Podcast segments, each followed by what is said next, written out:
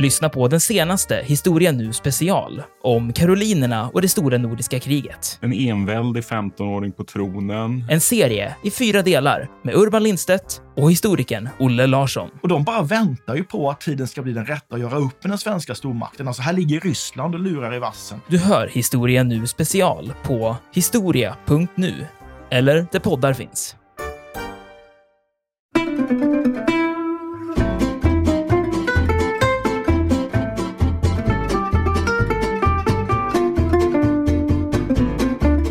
Hur man står där utanför den här porten och, och väntar, de här fladdrade eh, ljusskenen och hur Carter då stöter ett spett genom de här portarna och liksom helt plötsligt så öppnas det här rummet som då har varit stängt i eh, över 2000 år. Och eh, Carter är den som står längst fram och bakom honom står Lord Carnarvon. Han är ju mycket, mycket upphetsad. Han, han frågar Carter flera gånger. Ser ni någonting? Ser ni någonting? Och Carter svarar ja, jag ser underbara ting. Underliga djur, statyer och guld. Överallt glittrade av guld. Det måste ju varit en fantastisk syn.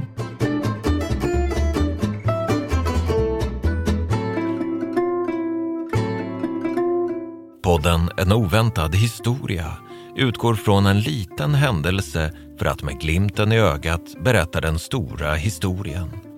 Programledare är historikerna Olle Larsson och Andreas Marklund.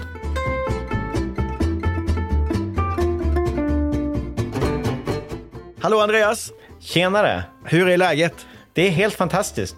Du ser väldigt pigg och glad ut, så det gläder mig. detsamma, detsamma. Tack för det.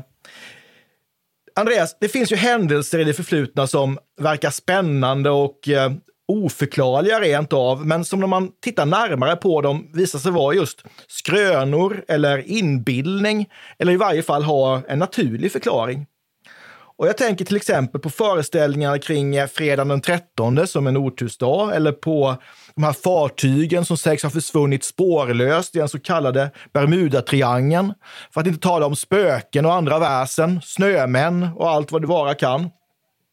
Och idag tänkte jag att vi skulle prata om ytterligare en sån här företeelse som är oförklarlig och spännande och fantasieggande.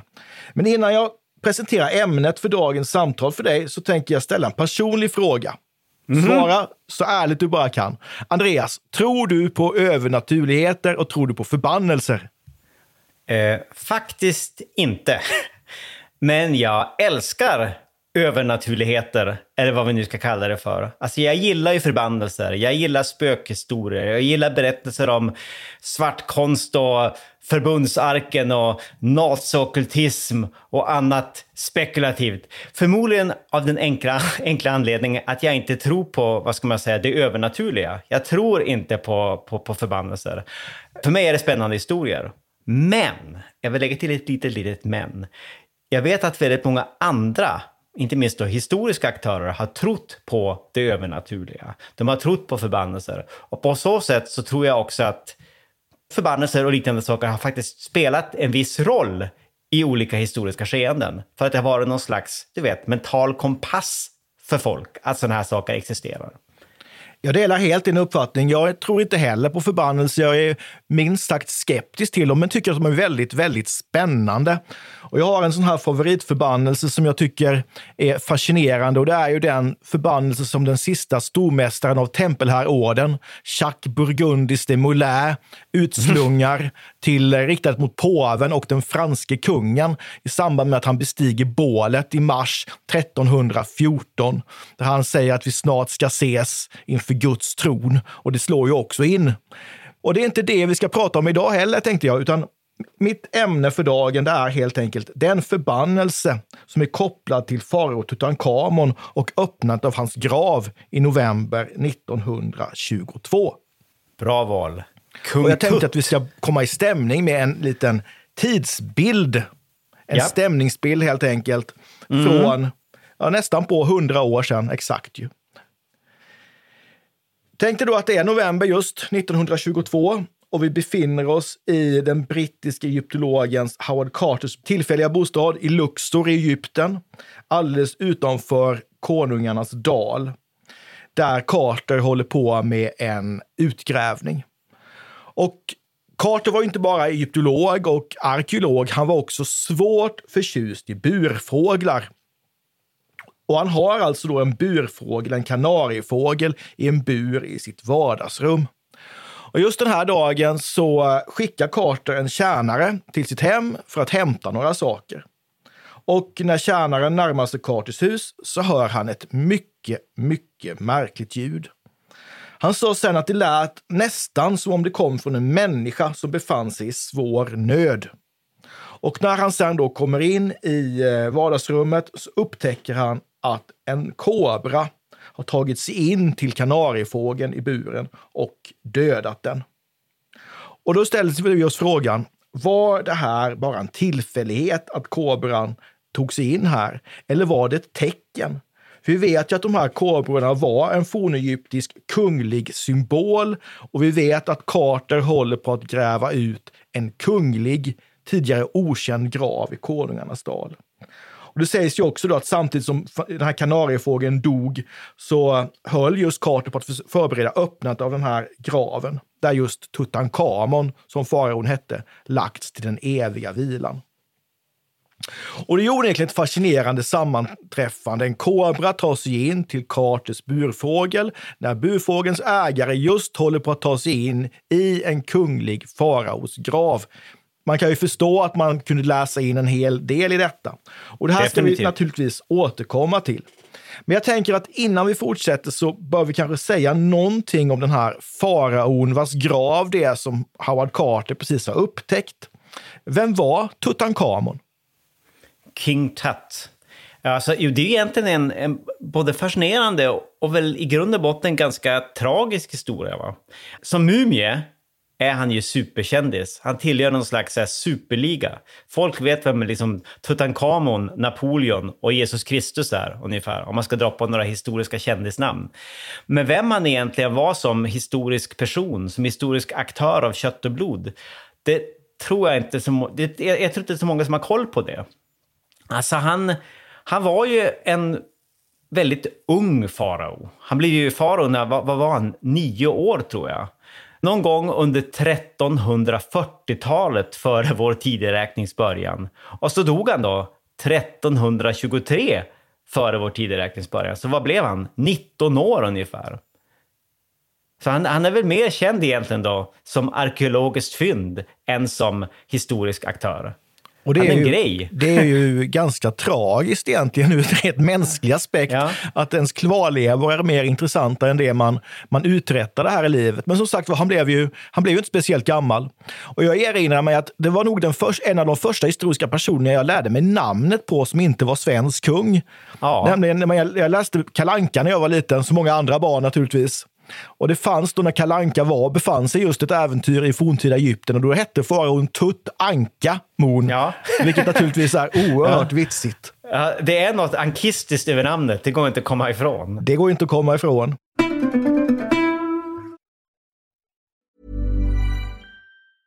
Hej, jag Ryan Reynolds. Recently, I asked Mint Mobiles legal team if big wireless companies are allowed to raise prices due to inflation. They said yes. And then when I asked if raising prices technically violates those onerous two-year contracts, they said, what the f*** are you talking about, you insane Hollywood ass?" So to recap, we're cutting the price of Mint Unlimited from $30 a month to just $15 a month. Give it a try at mintmobile.com slash switch. $45 up front for three months plus taxes and fees. Promo for new customers for limited time. Unlimited more than 40 gigabytes per month. Slows. Full terms at mintmobile.com. One size fits all seems like a good idea for clothes until you try them on. Same goes for healthcare. That's why United Healthcare offers flexible, budget-friendly coverage for medical, vision, dental, and more. Learn more at uh1.com. Millions of people have lost weight with personalized plans from Noom, like Evan, who can't stand salads and still lost 50 pounds. Salads, generally, for most people, are the easy button, right? For me, that wasn't an option. I never really was a salad guy. That's just not who I am. But Noom worked for me. Get your personalized plan today at Noom.com. Real Noom user compensated to provide their story. In four weeks, the typical Noom user can expect to lose one to two pounds per week. Individual results may vary.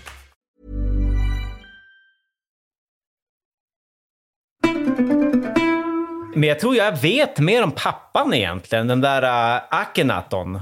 Just det. Bland annat på grund av att jag har läst en historisk roman av en finländare som heter, vad var det, Mika, Mika Valtari. Den har jag nog också Egypten. läst, tror jag. Ja. Ja. Det handlar om, den någon, där- någon överstepräst i Egypten. Ja, precis. Det är pappan där som försöker överföra någon slags monoteism. Alla ska tro på Aton, solguden, och inte resten av det där uh, panteonet. Och han inför väl också eh, monoteism i Egypten. Ja, och det är väl nästan det enda vi vet vad Tutankhamon gjorde under sin regeringstid, att han återinförde polyteismen. Alltså tillbaka till det läge som rådde innan hans pappa tog makten. Precis, men jag tror att enligt boken så var han någon slags marionett i någon annans trådar. Och pappan var ju också gift med sin egen syster. Och Tutankhamon själv var gift med sin halvsyster.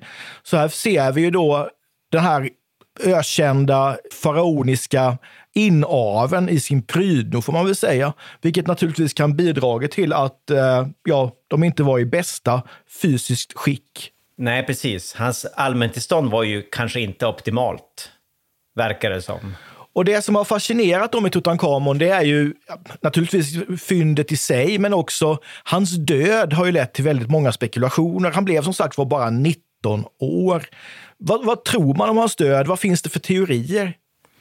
Alltså det finns ju teorier om att han faktiskt blev mördad. Alltså hans skalle är ju tämligen illa åtgången till exempel. Och så finns det väl eh, tecken på att, eh, alltså det är väl massa frakturer som man kan se liksom spår av på hans skelett. Alltså han har, uts- han har utsatts för, ja dels är det någonting med huvudet, men det är vissa som påstår att det skedde då efter hans död. Men det är väl det som tyder på att han, eh, han föll. Han utsattes för någon slags fall på något sätt kort innan han dog.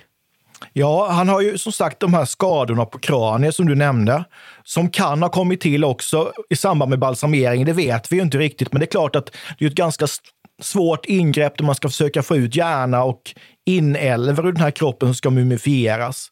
Men han hade ju i alla fall ett, en svår knäskada. Knät var söndertrasat, ett öppet sår som inte vill läka. Knät är ju levridet. Han har också ett eh, mycket allvarligt eh, lårbensbrott. Just det, fraktur Och, nummer då, två. och det här var tre. inte läkt när han dog. Vilket tyder på det. att hans död förmodligen har någonting med de här, eller hans, de här skadorna har någonting med hans död att göra. Och det kan vara mord. Man har spekulerat i att det är en jaktolycka. Att han har vält med eh, en, en, ja, någonting som liknar en stridsvagn och då ådragit sig de här skadorna. Men han var ju också, han, han bar ju på medfödda missbildningar.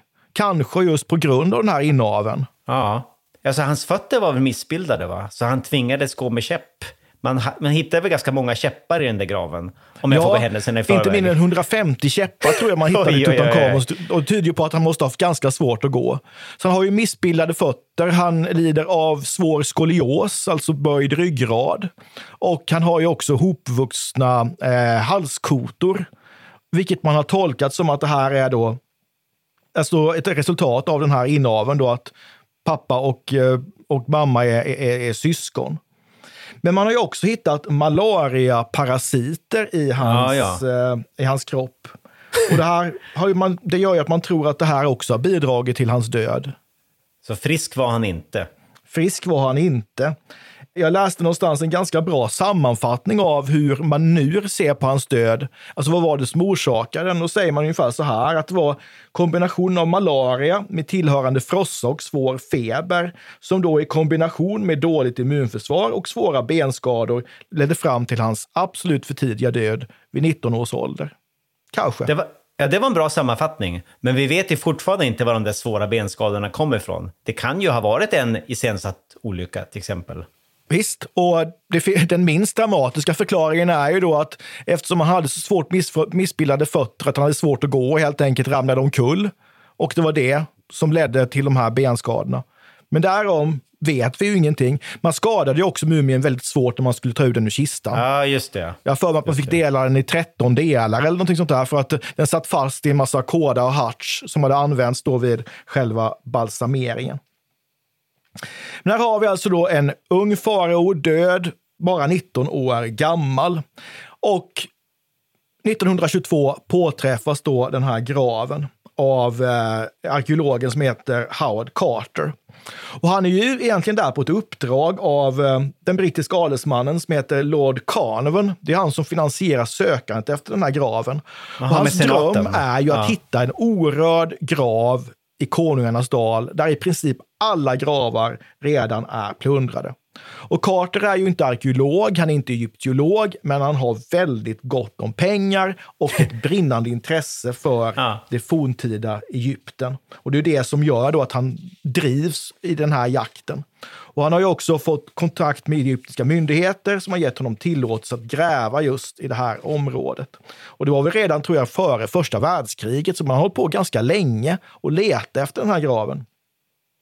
Så man kan väl tänka sig då att den här stackars Lord Carnarvon hemma i Storbritannien nästan på har gett upp när han den 6 november 1922 får ett telegram med följande lydelse.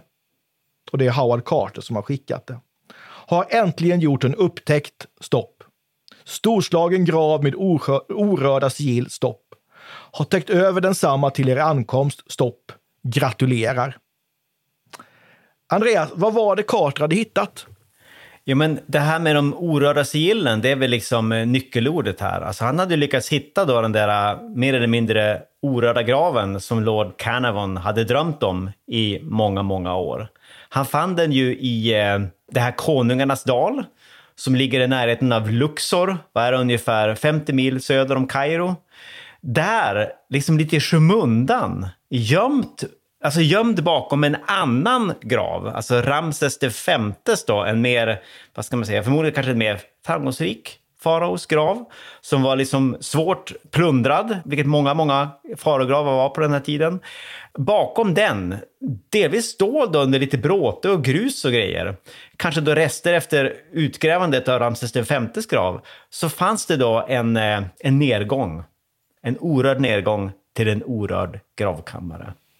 Så det var nog förmodligen så här att det var just eh, arbetet med Ramses den femtes grav som då kom till betydligt senare än Tutankhamons grav som gjorde då att man på något sätt täckte över den här, som det skulle visa sig, fantastiska skattkammaren och därmed faktiskt eh, skyddade den från gravplundring. Det perfekta skyddet. Och det är ju då när Carter stöter på, eh, med, med hjälp av sina de som verkligen gräver åt honom, för det gjorde ju inte Carter själv. Han var ju mer och mer och övervakade själva arbetet. När de hittar då det här översta trappsteget som då leder ner till den här graven som har kallats då för KV62, Kings Valley 62. Så det är liksom Slag- my- my- slagkraftigt. mycket, mycket spektakulärt och, och klatschigt namn får man säga. Och då förstår man ju verkligen att han var Ja. upphetsad när han Ja. skickar iväg det här telegrammet till sin Verkligen. uppdragsgivare. Och kanske ganska stolt också. Det skulle jag vara. Och rent av lättad Definitivt. att han har rott det här projektet i hamn.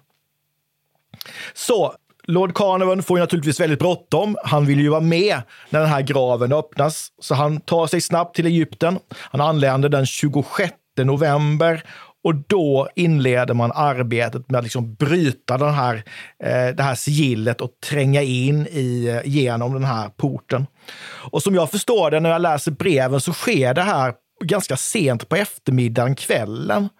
Alltså, eller också det är bara jag som målar upp den här scenen, för jag kan se det så dramatiskt framför mig med, med män i tropikkostymer, tredelade, också tweed. Jag har faktiskt sett bild på Carter i 38 graders värme i tredelad tweedkostym. Så att han han var det? britt, verkligen det är britt. fantastiskt. Men hur man står där utanför den här porten och, och väntar, de här fladdrade eh, ljusskenen och hur Carter då stöter ett spett genom de här portarna och liksom helt plötsligt så öppnas det här rummet som då har varit stängt i eh, över 2000 år. Och eh, Carter är den som står längst fram och bakom honom står Lord Carnarvon. Han är ju mycket, mycket upphetsad. Han, han frågar Carter flera gånger, ser ni någonting? Ser ni någonting? Och Carter svarar, ja, jag ser underbara ting. Underliga djur, statyer och guld. Överallt glittrade av guld. Det måste ju varit en fantastisk syn. Ja. Det är ju ren Indiana Jones på något sätt. Och det finns en fantastisk eh, dokumentär som ligger på SVT Play av Hans Villius och Olle Häger som heter just Jag ser underbara ting. Som egentligen är en historisk resa i Egypten som går från nutid till dåtid som börjar med slaget vid El Alamein, slutar med Tutankhamon, konungarnas grav. Fantastiskt Ja, det. väl berättat. Jag tror det är där jag har sett bilden av Carter i tredelad tweedkostym. Mitt Ja, det låter i, i bekant. Det öknen. låter väldigt ja. bekant. Ja, den är fantastisk. Vad hittar man i den här graven då? Oj, alltså det var, ju, det var ju en skattkammare. Det var väl omkring 5 000 föremål av olika slag. Det var väl inte helt orört tror jag. Alltså det hade varit gravplundrare här. Men eh, de hade liksom bara skrapat lite grann på ytan. De, har inte kommit, de hade liksom inte kommit hela vägen. Allting låg där väl i en enda röra. Det var möbler, det var stolar, det var bord, det var sängar och det var, vad var det, kistor som var fyllda med, med godsaker. Och liksom, det var trä och textil och det var väl guld. Tutankhamons mask är ju onekligen ganska välkänd. Alltså, Tutankhamon själv var väl liksom den, och hans, hans sarkofag var väl kanske det, det, det allra mest fantastiska.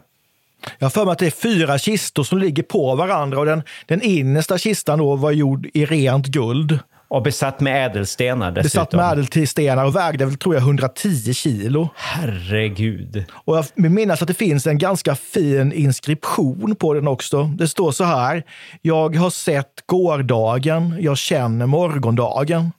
Oj, oj, oj. Och det är också nästan lite dramatiskt eh, kopplat till det här. Vad menar man med det? Ja, man blir nästan lite, lite tårögd. Religionen genomsyrar ju allt i det, gamla Egypten. Och det var väl också föreställningen då att så länge faraos namn fanns kvar, så länge levde farao. Det värsta som kunde hända var att namnet försvann. Då var man borta och, och död på riktigt. Och det hände enligt då Mika Valtari med Tutankhamons pappa, Eknaton. Han blev liksom utraderad, hans namn blev utraderat. På grund av att han har begått den här synden att han försökte liksom ändra religion i det gamla Egypten. Ja, just det. Att, jag- att ta bort de gamla gudarna och bara ha en då. Exakt.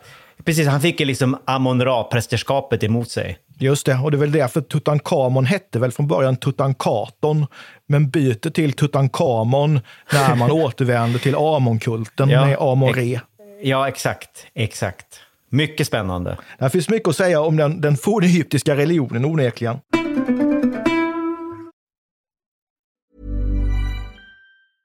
This is Paige, the co-host of Giggly Squad, and I want to tell you about a company that I've been loving, Olive and June. Olive and June gives you everything that you need for a salon quality manicure in one box. And if you break it down, it really comes out to $2 a manicure, which is absolutely insane. It's also so easy to get salon worthy nails at home with Olive and June. The difference between how your nails used to look when you did them yourself and now with the Manny system is a complete game changer. The best thing about Olive and June too is it's a quick dry. Dries in about one minute, lasts for five days, and full coverage in up to one to two coats. Visit oliveandjune.com slash perfectmanny20 for 20% off your first system. That's oliveandjune.com slash perfectmanny20 for 20% off your first system. Quality sleep is essential. That's why the Sleep Number Smart Bed is designed for your ever evolving sleep needs. Need a bed that's firmer or softer on either side? Helps you sleep at a comfortable temperature? Sleep Number Smart Beds let you individualize your comfort so you sleep better together. JD Power ranks Sleep Number number 1 in customer satisfaction with mattresses purchased in-store. And now, save 50% on the Sleep Number limited edition Smart Bed for a limited time. For JD Power 2023 award information, visit jdpower.com/awards. Only at a Sleep Number store or sleepnumber.com. Millions of people have lost weight with personalized plans from Noom, like Evan, who can't stand salads and still lost 50 pounds. Salads, generally, for most people, are the easy button, right? For me, that wasn't an option. I never really was a salad guy. That's just not who I am. But Noom worked for me. Get your personalized plan today at Noom.com. Real Noom user compensated to provide their story. In four weeks, the typical Noom user can expect to lose one to two pounds per week. Individual results may vary.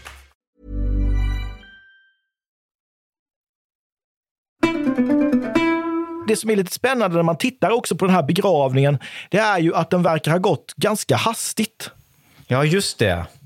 Och att den här graven egentligen var lite för liten för att vara en faraograv. Den är ju mycket mindre i, till, till, till, till utrymmet och till ytan än vad de andra är. Just det. Finns det fler tecken på att det här kan ha gått ganska hastigt? Ja, men det är väl någonting med att det, det, den verkar vara så väldigt hastigt målad, va? Det blir så här... färgerna verkar lite så här kladdiga och hastigt nedstänkta. Ja, och det verkar också som att man haft rätt bråttom att en del av föremålen i graven är återanvända.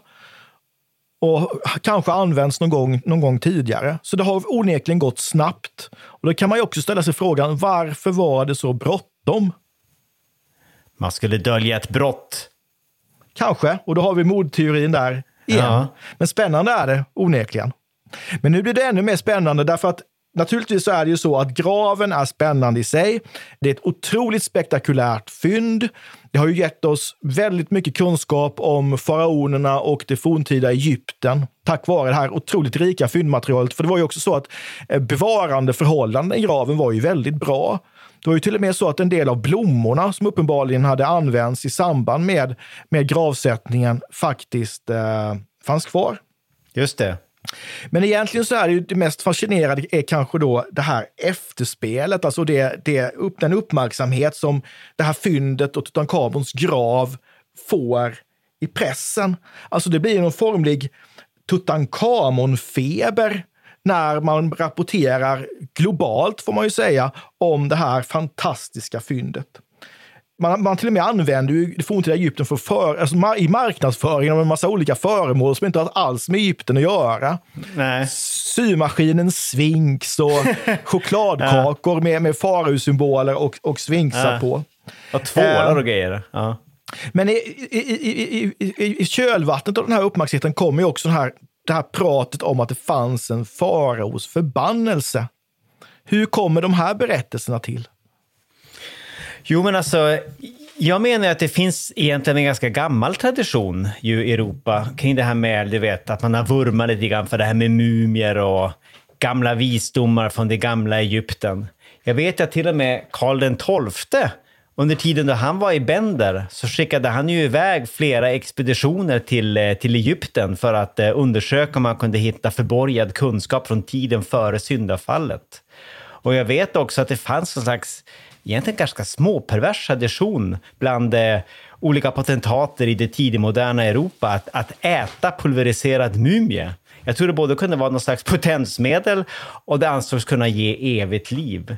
Så man har liksom ganska länge haft någon slags eh, föreställning om att det finns någon slags uråldrig visdom, uråldrig magi i det gamla Egypten som, som eh, ja, både har fascinerat och skrämt. Men i början av 1800-talet så kommer det här in i en ny fas och det är bland annat i samband med att man hittar den här Rosetta-stenen under Napoleons egyptiska fälttåg som sen då i början av 1800-talet hamnar på British Museum. Och där är det ju då en fransk snubbe, vad heter han nu? Champollion. Jag råkar alltid säga herr Champignon. Jean-François Champollion. Ja, exakt. Han knäcker ju hieroglyfernas gåta och det är ju naturligtvis, alltså han börjar kunna läsa då hieroglyfer och det är ju, vilket ju sprider sig och det är naturligtvis en fantastisk sensation som gör att det skapas då en, vad ska man säga, en, en renässans i den här mumievurmen i hela, hela världen ju, nästan. Eh, och det börjar skrivas då skräckromantiska berättelser om eh, återuppväckta mumier som börjar hemsöka de levande. Jag tror Edgar, Edgar Allan Poe inledde den traditionen på 1840-talet. Det fortsätter sen med Conan Doyle och så vidare under, under resten av 1800-talet. Så det finns ju finns en stark fascination och en eh, vad ska man säga, skräckblandad förtjusning kopplad till de här företeelserna i, i Europa när, vad ska man säga, Howard Carter gör sitt fynd. Så man skulle kunna säga då att 1922 när Tutankhamons grav upptäcks så är liksom, då finns det redan ett, grund, ett grundlagt intresse för det forntida Egypten i Europa med rötter då i sent 1700 tidigt 1800-tal, Rosettastenen Napoleon, den gåtfulla sfinxen, pyramiderna och allt detta. Och även det här intresset för esoterisk kunskap som tas över av en del av 1700-talets eh, ordenssällskap som då är starkt influerade av, av det gamla Egypten. Så helt enkelt så är det ju så att manegen är välkrattad för, för spektakulära berättelser om det forntida Egypten i början av 1920-talet. Ja, Och sen händer då följande. Alltså i mars 1923 så dör Lord Carnarvon. Det är ju alltså bara fem månader, sex, ja, fem månader efter det att eh, Tutankhamons grav har öppnats. Han är ju redan försvagad, han har varit med om två stycken bilolyckor och så får han ett myggbett som infekteras svårt. Och jag för mig att han gör det här ännu värre genom att råka skära sönder när han rakar sig, eller något sånt där ganska banalt som gör att infektionen sprider sig. Och han överlever ju inte det här, utan han dör ju då på sitt hotell Continental i Kairo. Och genast så börjar ju, sätter ju spekulationerna igång. Är det här verkligen en naturlig död? Eller är det så att det är faraos förbannelse som spökar? Och här finns det en fantastisk insändare i Daily Mail som är undertecknad av en, en läsare som kallar sig för Corelli som menar på att där skulle man nog, man ska nog vara försiktig när man tränger in i döda faraoners gravar, för det kan aldrig vara bra. Han frågar sig då retoriskt som en slutkläm på sin insändare här att därför frågar jag, säger han, om det verkligen var ett myggbett som så allvarligt infekterade Lord Carnarvon. Och där är det igång. Mm. Berättelsen om faraos förbannelse. Och så, läggs det, så förbättrar man den här då att inte nog med att eh, Lord Carnarvon dör fem månader efter gravöppningen. Det är också så att hans hund faller död ner precis innan. Ljuset i Kairo slocknar. Och vad beror detta på? Jo, självklart en förbannelse. Och det påstås då att det ska ha funnits en inskription i Tutankhamons grav med texten “Döden kommer på snabba vingar till den som rör vid faraos grav”. Just det, det känner jag igen. Mycket men, dramatiskt. Ja, men det har inte kunnat beläggas, va? Att det har existerat en sån inskription? Nej, det lär nog inte ha funnits någon, några inskriptioner med förbannelse överhuvudtaget. Men det är klart att det här faller ju i god jord. Det här är ju en mycket, mycket spännande historia. Någonting som man vill läsa om, som jag gärna hade läst om 1922, 23 naturligtvis. Men Carnarvon är ju inte den enda som dör. Hur går det för en del av de andra? Det är rätt många som dör, trots allt. Alltså, eller, det, det, är ganska, det är ganska stort gäng. Vad, vad, består den där expeditionen av? Det är 58 personer, jag tror jag. tror att det är 58 personer inblandade, ja. all in all. Och det, det är liksom åtta av dem dör väl inom ett decennium, eller något sånt där. Det är någon Lady Carter som dör av ytterligare ett insektsbett 1929. Vi har han Archibald Douglas Reid, han som röntgade den här mumien. Han dog Väldigt, väldigt plötsligt och väldigt oförklarligt 1929. Flera av utgrävarna dör eh, av olika skäl. Någon dör av arsenikförgiftning har jag läst. Eh, och, och, så är det då Carters sekreterare, en viss Richard Bethel, kvävs i sin säng 1929. Ja, så det är ytterligare någon stackare som en, en, kompis till Carter som heter Bruce Ingram som fick ta emot, dumt nog får man säga, tog emot en brevpress som var tillverkad av en mumiehand. Och vad hände? Jo, hans hus brann ner. Herregud, dog han också då? Nej, det, jag tror att han klarade sig, men huset brann ju ner. Men det, är klart, ja, ja, ja. det här räcker ju för att de här ryktena ska liksom... Det är som att hälla bensin på en brasa det är inte bara kanon, det är alla, det är alla andra också. Nu sprider sig här förbann, ryktet om förbannelse som en löpeld. Och eh, det här är naturligtvis gefundenes fressen för journalister och rubriksättare. Tänk själv, faraos förbannelse slår till igen. Ja, ja, ja. Det är ju hundratusen lösnummer. Fantastiskt, ja absolut. Och, och, sen så, och det här använder man ju långt fram i tiden. Jag för mig att det är så långt, ända fram på 70-talet faktiskt, spekuleras i om, om det är faraos förbannelse som är inblandat när besättningen på ett flygplan insjuknar i någon slags magåkomma tror jag. Och vad var det det fanns ombord på det här flygplanet? Jo, delar av fynden från Tutankhamons grav Aha. som skulle flygas till en utställning. Ja, ja, och någon ja. blev riktigt sjuk och jag tror att den som blev sjukast hade råkat stöta till den låda där Tutankhamons mask förvarades. Okej, ja. Och faraos händ blev. Så långt fram i tiden spekulerar man kring detta. Ja, ja verkligen. Men då läste jag någon som, som polemiserade mot detta och nästan skrattade åt det. Skeptisk till förbannelseteorin och sa att det var nog mer eh, sannolikt att det var en oskicklig cateringfirma som låg bakom flygplansbesättningens plågor. Men visst, det här, det här blev ju oerhört fascinerande historia och det har gjorts mängder med filmer, även senare då, som anspelar på Tutankhamons förbannelse och eh, mumier som går igen och som har allt annat än, än, än gott eh, uppsåt. Och så kom ju faktiskt den där första filmen om The Mummy med Boris Karloff i huvudrollen, den kom ju där i faggorna. 32 Just eller det, ja.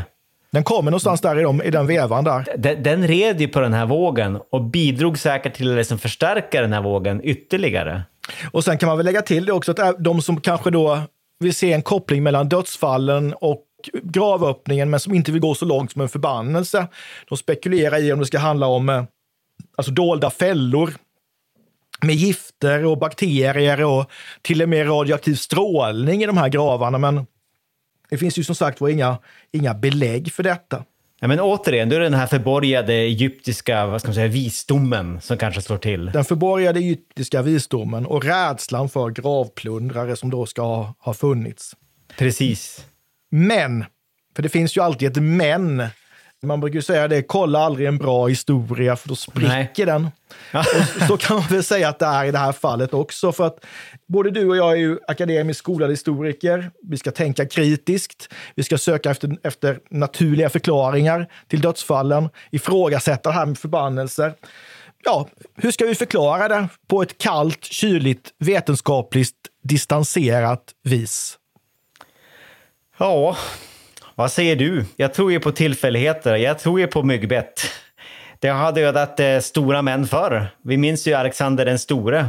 Just Jag precis. tror på det i kombination med den här hypen och en viss grad av, det låter nästan lite perverst, men en viss grad av eh, önsketänkande. Ja, men nära Folk, på. vill, ja, men folk ville att det skulle vara faraos förbannelse. För ska man vara riktigt tråkig kan man väl säga så här. De här förbannelserna, de verkar ju inte ha fungerat så där vansinnigt bra tidigare. Med tanke på att nästan alla faraos gravar är plundrade så bör ju inte förbannelserna ha avskräckt de här gravplundrarna redan under forntiden speciellt mycket. Och det har ju inte heller funnits några inskriptioner med den här typen av förbannelser i Tutankhamons grav, utan det är ju, det är ju helt enkelt eh, påhitt. Och det är liksom helt, det är, så, det är skrönor som får ett väldigt stort genomslag tack vare, kan man väl säga, en kombination av sensationslysten press och populärkulturella skildringar av olika slag. Vi nämnde ju de här Egyptenskildringarna som fanns. Tittar vi på Lord Carnarvon, alltså han var 57 år när han dog. Han var försvagad.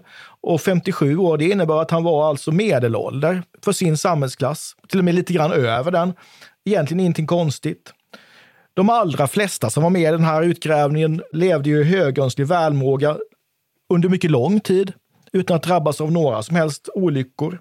En av dem, som till och med var Carnarvons dotter och en av de första som gick in i graven, levde ända fram till 1980. Okej. Så henne verkar förbannelsen inte ha, bjud, eh, ha bjudit på. Carter själv, han som öppnar graven, lever ända fram till 1939 och det är 64 år gammal. Så faraos förbannelse får nog skrivas på, på mytens konto.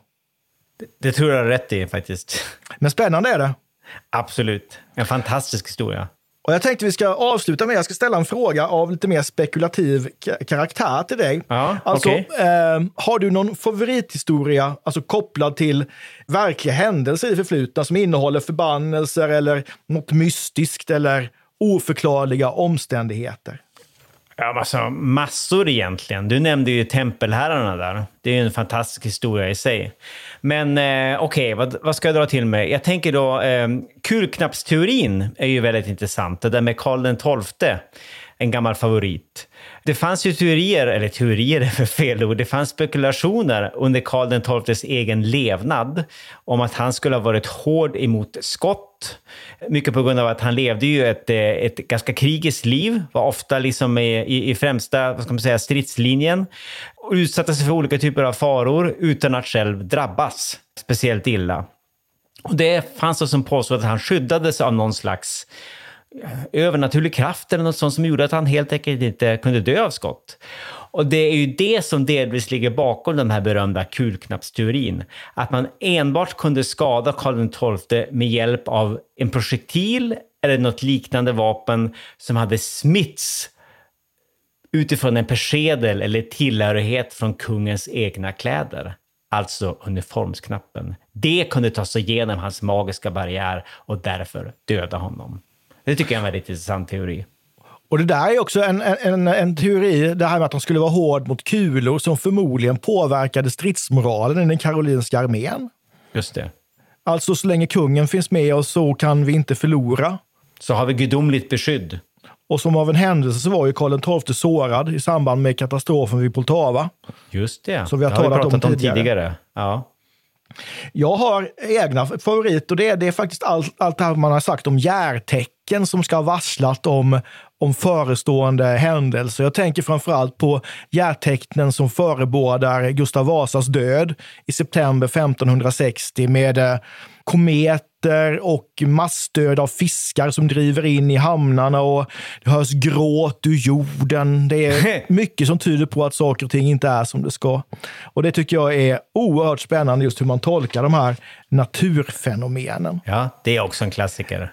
Men det kanske vi ska prata om vid ett annat tillfälle. Det, och vi har ju återkommit till tempelriddarna några gånger och tempelherrarna. Det kunde nog också vara värt ett eget avsnitt. Kanske två till och med. T kanske till och med två. Tack för idag Andreas. Du ska också ha tack. Hej! Vi ses. Hej då! Vi tackar programledarna Olle Larsson och Andreas Marklund. Kontakta gärna Olle och Andreas på ovantad.historia.nu. Vi läser allt, men hinner kanske inte alltid svara.